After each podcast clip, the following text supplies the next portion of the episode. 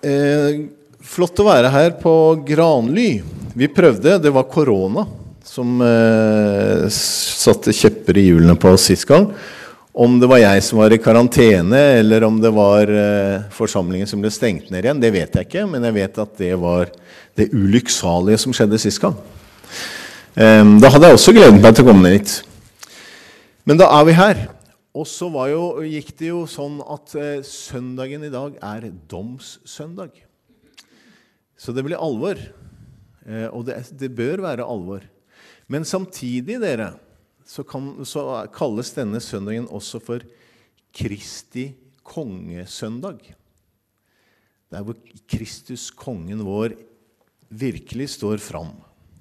Skal lese, jeg begynner med å lese disse lesetekstene og si litt rundt de, og så går vi over på evangelieteksten etterpå. Første leseteksten vår står Jesajas. Ja, den kommer opp på skjerm. Ikke noe problem når dere har en som jobber i IT-avdelingen som leder møte. Da blir det bra. Det er fra Jesajas 57, 14-16. Den som er knust og nedbøyd i ånden. Han sier, 'Bygg, bygg, rydd vei.' Ta bort hver snublestein fra veien til folket mitt. Så sier han som er høy og opphøyd, han som troner evig, den hellige er hans navn. I det høye og hellige bor jeg, og hos den som er knust og nedbøyd i ånden. Jeg vil gi ånden liv hos dem som er bøyd ned, gi hjertet liv hos dem som er knust. For jeg fører ikke sak til evig tid, og er ikke harm for alltid.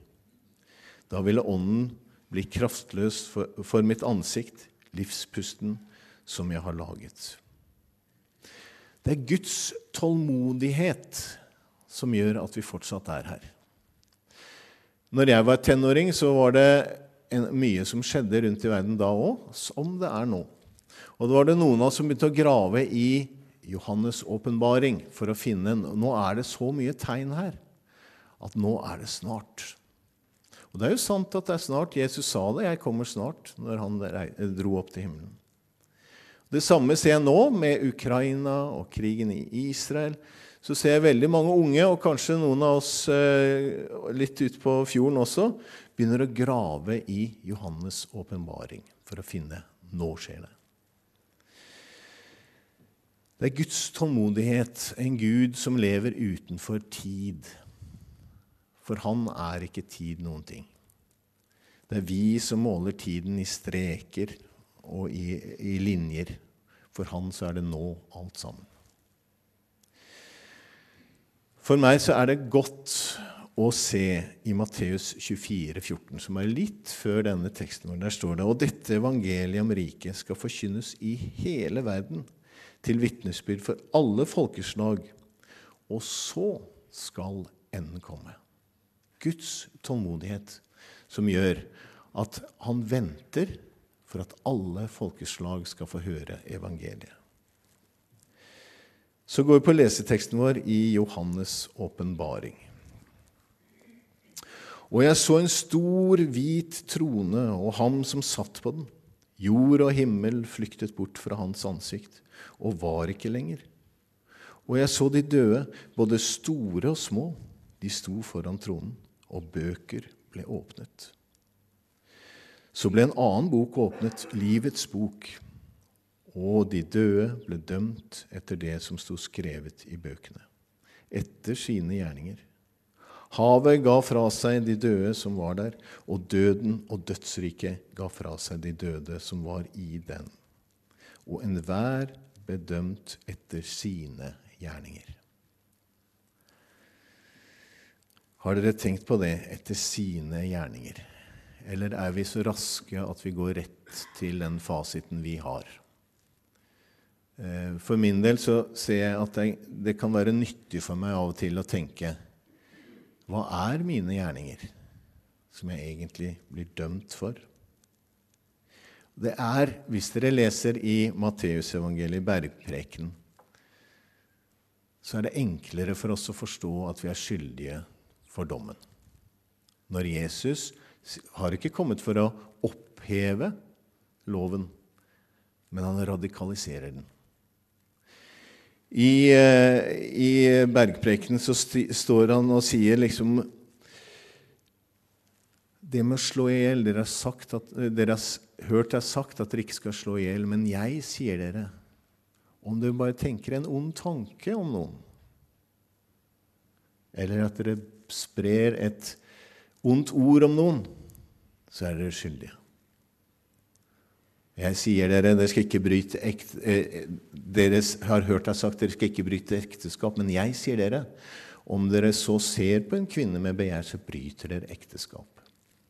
Og så videre, så videre. Hvordan Jesus radikaliserer det. Og da står jeg skyldig. På samme måte, etter sine gjerninger. Da er det ikke så greit å være en from misjonsleder som på papiret ser ut til å takle livet. Men jeg vet at jeg trenger så inderlig Jesu forsonende gjerning for meg. Så la oss prøve å ha de to tingene i hodet samtidig. Ikke hoppe for fort over til Jesu fullbrakte verk for oss, men også dvele i hva vi faktisk er frelst ifra. Så leser vi evangelieteksten. Jeg forsto at dere sitter på søndagsmøtene, var det ikke det? Ja, under evangelietekstene. Det er godt å ha litt variasjon. Da leser jeg fra Matteus 25, 31-46. Men når Menneskesønnen kommer i sin herlighet, og alle englene med ham, da skal han sitte på sin trone i herlighet. Og alle folkeslag skal samles foran ham. Han skal skille dem fra hverandre som en gjeter skiller sauer fra geitene, og stille sauene på sin høyre side og geitene på sin venstre. Så skal kongen si til dem på sin høyre side, Kom, dere som er velsignet av min far, og ta i arv det rike som er gjort i stand for dere. Fra verdens grunnvoll ble lagt. For jeg var sulten, og dere ga meg mat. Jeg var tørst, og dere ga meg drikke. Jeg var fremmed, og dere tok imot meg.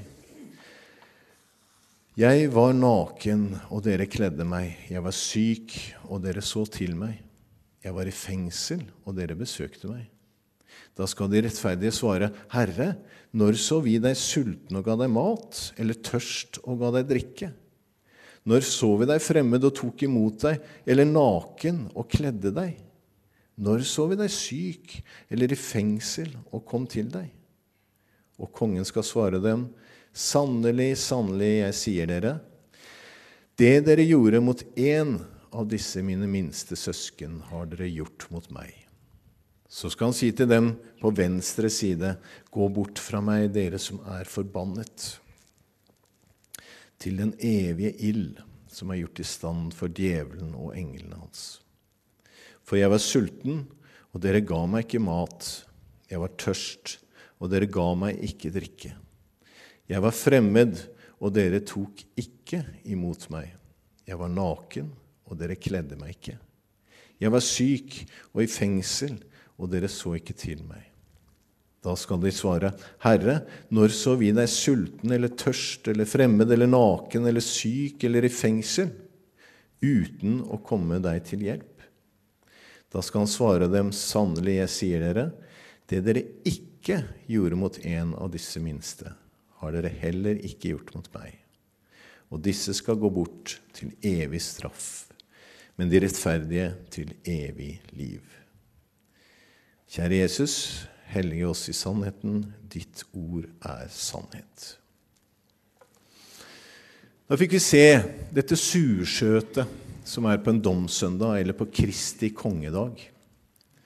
Det er begge deler. For oss her i Europa, eller spesielt i Vest-Europa, så har vi greid å avskaffe mye av det truende. Man sier at helvete fins jo ikke lenger, og det er jo ikke to utganger. For hvis det er en kjærlig Gud, hvordan kan han da ha en fortapelse? Men Bibelen sier noe ganske annet. Og vi må forholde oss til hva Bibelen sier, ikke hva politikken eller avgjørelser i det vanlige samfunnet sier. For det er to utganger, og da blir dette veldig maktpåliggende for oss. Det er et evig liv, og det er en evig fortapelse. Og så vet vi som sitter her, og som har fått høre evangeliet, og som har fått høre om loven, så vet vi at vi har en vei ut av dette. Vi har en trygg og sikker grunn på at han Det er på grunn av hans gjerninger, på Jesu gjerninger, at jeg kan bli frelst. For hadde det vært for mine gjerninger, så håper jeg at alle dere har såpass selvinnsikt at når dere leser i bergprekenen, så kan dere erkjenne at jeg kommer til kort. For det gjør vi.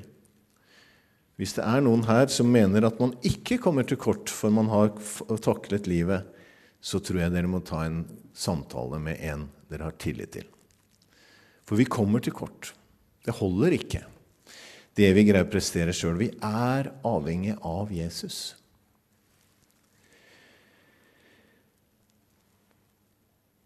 På denne domssøndagen, eller Kristi kongesøndag, så tenker jeg at det er steroider inn i misjonsbefalingen. Det er noe som skal gi kraft inn i det og skulle bringe evangeliet videre til andre mennesker. Noe som jeg, og som dere også jeg har sett, det har rullet på teksten her, misjonsengasjementet. Jeg har møtt flere av deres folk som er ute som misjonærer også. Det misjonsengasjementet blir maktpåliggende og alvorlig når vi kommer på en dag som denne. Når vi ser hvordan Jesus tegner dette opp i teksten sin, og hvordan vi skal leve her for andre. Hvordan er det Gud vil at vi skal leve? Gud vil at vi skal være hans armer og ben og hans eh, ambassadører her på jorden. Jesus forteller oss lignelsen om dommen hvor han skiller geitene fra sauene. Han sier dette med at han var sulten og tørst og satt i fengsel og var syk. Og fordi at noen gjorde noe mot en av hans minste, så gjorde vi det også mot han. Det utfordrer oss til å reflektere litt over våre egne liv. Hvor mye er det vi engasjerer oss egentlig i andres misærer? I andres problemer? Vi trenger ikke å gå ut til eh, krigene. Vi kan gå til nabolaget vårt. Det er da nok av utfordringer for naboene deres eller folk dere kjenner. Nok som vi kan engasjere oss i for Jesus skyld. Martin Luther minner oss på at vi er rettferdige med troen av troen alene. Samtidig så ser vi også i Bibelen, når vi leser i Jakobs brev, hvordan det på en måte er Det manifesterer seg, eller det viser seg, vårt, vårt tro, vår tro i gjerningene våre også. Som en frukt.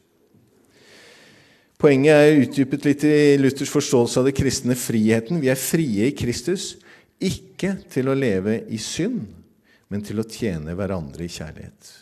Vår frihet er ikke selvopptatt, men tjenende. Den drives av kjærligheten til Gud og nesten kan dere få være med ned til Tanzania. Altså Min kone og jeg vi har vært seks år i Tanzania, åtte år i Kenya, og nå har vi vært sist har vi vært to år i Oman, i, på den arabiske halvøy. Alt har vært en festreise fordi at vi har vært sammen med Gud og sammen med Jesus. I vår første tid da i Tanzania så var jeg sogneprest ute i distriktet og jobbet egentlig veldig tradisjonelt som misjonær. Det gikk på kirkeplanting. Og vi kom til en landsby som heter ja, Hvordan gjør man det? Jo, vi reiste rundt av noen prester og evangelister i en bil i et område som, het, som ble kalt for Øvre Tarime, hvor det ikke var så mye evangeliske kirker. Så kjørte vi fra landsby til landsby for å kartlegge er det evangeliske kirker her.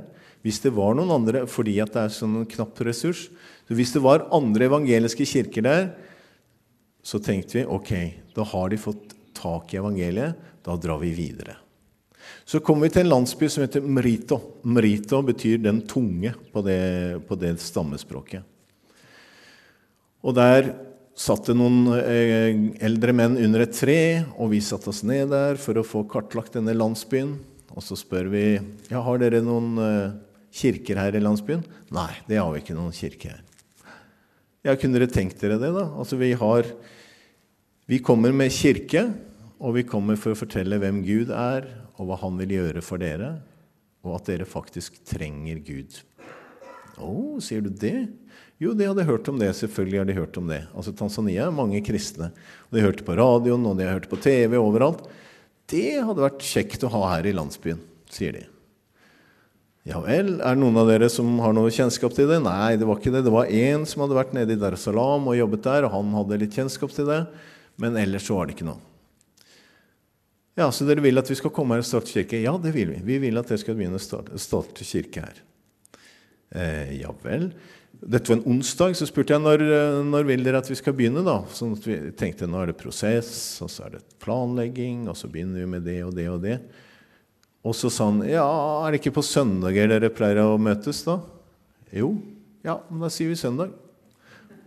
Tre dager etterpå så tenkte jeg ja, nå kan jeg enten begynne med å si at du, dette er ikke så enkelt. Nå må vi begynne med prosess og se hvem som vil, og få en lokal forankring og alt dette her tingene. Men så tenkte jeg nei, vi jobber med en allmektig Gud. La meg, la meg ta dette på alvor. Og så sa jeg ja, men da sier vi det. Ons, nei, på søndag nå, da kommer vi hit med første gudstjenesten. Gudstjenesten, når vil dere begynne? Vi pleier å begynne sånn i, i ti-tiden. Ja, ti er bra, det. Ti er bra. Da begynner vi Guds, første gudstjeneste søndag klokken ti her. Og jeg reiste hjem litt sånn svett på ryggen, for kona mi er veldig organisert. Jeg er nok litt sånn virrete og har masse ideer og tanker.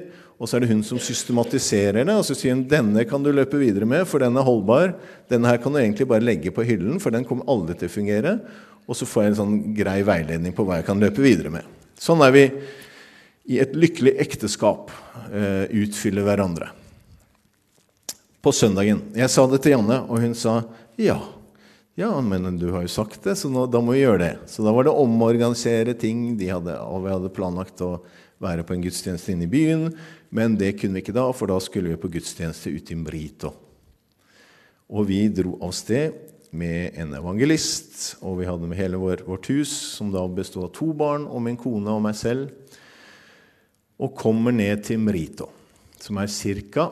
To timer kjøring var det da, for det er ikke vei hele veien. Så et, et stykke så kjører du på elve, gjennom et elveleie, klatrer ned fra et fjell og så ned til Mrito. Og når jeg kommer dit da, klokken halv ti, for det begynner klokken ti, så står det et bygg der av strå og siv. Og, jeg, og han her, Josef, som han het, han, han jeg hadde snakket med først, stolt ved siden av. Så sier jeg Hei, er det her vi skal møte? Det er kirken, sier han. Peker på dette stråhuset som har, de har satt opp da siden onsdag. Har dere bygd kirke? For det vanlige er jo at vi begynner i klasserom eller under et tre, og så går det kanskje noen år, og så bygger de en kirke. Bygd kirke? Ja, vi bor jo i hytter sjøl. Skal ikke Gud ha et sted å være her i Merito? Så det var den mest selvfølgelige tingen. Den ånden som var i de gutta De første to jeg møtte, var en som heter Josef, og så var det en som heter Mahati. Mahati hadde masse arr, og du så at det var en herja mann. Jeg ville aldri ha gått i konfrontasjon med Mahati på noe som helst slags vis. Han var svær kar. Mahati satt og hørte veldig nøye på dette. I ettertid har vi fått vite hvem Mahati egentlig var. Men han fra dag én så var han med. Han har vært drivkraften til at de bygde denne kirken. Han har vært drivkraften til at mange kom med. Men Mahati var den største slåsskjempen i byen, og drukkenbolten. Alle var redd Mahati. Derfor ble Mahati valgt inn som leder av landsbyen hvert år. For hvis ikke, så kom de i heisen, de andre. Korea-stammen lever sånn som sånn som spartanerne gjorde, med at de, de, er stolte av å være De er ikke redd for smerte, de er ikke redd for døden, og de skal ikke gråte. Altså, det er knallharde folk. Jeg elsker koreafolkene. Eh, for det, det de sier, det er faktisk det de mener. Det hadde begynt et veddemål rundt i landsbyen om hvor lenge Mahati holdt. For Mahati har begynt der, for han ser at her kan han tjene på det, for der kom det en hvit mann. Og de begynte å vedde. Hvor lenge holder Mahati i kirken? Men Mahati er en av de som fikk se evangeliet veldig fort. Det er noe underlig der. Noen ser det plutselig og fort. Andre bruker lang, lang tid på å forstå evangeliet. Mahati så det med en gang. Dette er det jeg har gått og ventet på. Dette fyller livet mitt. Dette gir mening til alt sammen. Og han Slåsskjempen, som de tapte mye penger på å vedde hvor lenge han skulle holde, han holder den dag i dag. Det er jo 20 år siden, tenker jeg. Mahati sluttet å banke kona. Han sluttet å slå barna. Han ble en plage på, i helgene eller når folk var på fylla. For han grep inn i situasjoner. Han gikk inn i hytter hvor han hørte at en kone ble banka, og skilte de fra hverandre og sa 'Dette går ikke an. Sånn kan du ikke holde på.' Og så snakket han om Jesus til dem. Han var en plage for den landsbyen, for de som ville leve sånn som de hadde levd før. Men samtidig så, så folk en mann som har gått fra mørke til lys. En mann som har blitt totalt forandret. Og hva gjør det med folk? Jo, de trekkes til det. Hva er det Mahati har fått se? Hva er det Mahati, som har gjort at Mahati har forandret seg? Så på grunn av Mahati, som var en ikke-kristen, en drukkenbolt, en slåsskjempe På grunn av Mahati så fikk Jesus gjennomslag i Mrito. Den menigheten vokste fort. Første dåpen vi hadde etter et års tid, det var 105 som ble døpt, som aldri hadde hørt før. Og den menigheten er på rundt 250 mennesker nå. Mahati var en ambassadør for Jesus med livet sitt. Han var ingen god taler. Det kan jeg love dere. Jeg har hørt noen av talene hans, og det er ikke det det går på. Men det går på at han viser i sitt liv at Jesus har plass i hans hjerte. Den luthersk-rosianianske tradisjonen eller tilnærmingen den understreker viktigheten av å forstå at våre gjerninger ikke er grunnlaget for vår frelse, men et resultat av Guds nåde. Vi elsker og tjener ikke for å tjene vår egen frelse, men fordi vi allerede er frelst av nåde gjennom troen. Det blir radikalt forskjellig fra en muslim, f.eks. Der hvor vi har bodd i Oman nå de siste to årene Vi kom jo ned og hadde da vår bakgrunn fra animistisk Afrika. Og dere kan forstå at det er lett å skille seg ut som en snill mann i en tradisjon hvor det er greit å banke og slåss. Hvor diskusjoner vinnes med slåsskamp, sånn som det var i Mrito. Da er det lett å skinne litt med sin godhet når vi kommer med vår tanke om hvordan vi skal være overfor hverandre. Og Janne og jeg, veldig feil, feilaktig, men likevel, vi tenkte at noe av det vi skal få dele, eller som skal gjøre at folk får interesse for Jesus, det er at vi skal være gode med naboene våre. Vi skal være gode med de vi møter. Så kommer vi til Oman, som er en muslimsk stat, lever under sharialov, og det er et diktatur. Slags diktatur, men er, sultanen har all makt, i hvert fall. Det er en god sultan, så du merker ikke noe til det. Og vi kommer der med tanke om at vi skal skinne av godhet, og falt aldeles igjennom. For de skinte så mye, mye sterkere av sin godhet. De var gode på alle mulige vis og ga. Og det var utenfor noen av husene så står det lite rundt bord med dadler og kaffe. Vær så god, forsyn deg hvis du, hvis du trenger liksom, at folk kan sette seg ned, ta en daddel eller to og kaffe, og så går du videre. Naboen vår Ali han har en 1000 liters tank med, med, kjøling på, med drikkevann. Og Kranen går ut gjennom muren og ut i gata. Her er drikkevann, forsyn dere, dere som trenger det. Så godhet oste de av. Og da begynte vi, Det gjorde at vi var interessert i hva er dette, denne voldsomme godheten. Og hele godheten går jo på å bygge på sin egen frelse. ikke sant? Og så for, for, Janne og meg da ble det så godt å vite at det vi gjør for andre, det vi gjør av gode gjerninger, er jo fordi at vi er takknemlige for at vi har blitt frelst. De gjør det av plikt fordi at de vil bli frelst. Det er en stor forskjell. Men likevel, vi skal ikke hvile på det. Eh, Jakob Det er jo vanskelig for oss mange ganger å lese i Jakobs brev, men det, når han snakker om dette med gjerninger og tro, så er det litt å peke på det at hvis vi virkelig tror det vi snakker om her, så bør det jo vise seg på en eller annen måte i våre liv. Men det er ikke avgjørende for frelse. Det er viktig å få med seg. Men jeg tror det er viktig at vi svarer på dette med å tenke over hvordan vi selv lever, hvordan vi selv ser ut for andre. Ikke det at du skal jobbe på frelsen din. Den har du trygt og sikkert på grunn av det Jesus gjorde. Men har du ikke noe å takke for i at du har den frelsen fra Jesus? En av tingene vi gjør, er å sende mennesker ut for at de skal få dele evangeliet med andre mennesker som aldri får høre. Den største verdien du og jeg har, den største verdien, det som bety, skal bety mest for livene våre, er jo nettopp det at vi har fått frelsen gjennom Jesus Kristus. Vi vet om en fortapelse, og vi vet om en, et evig liv. Skulle vi ikke da dele det med alle?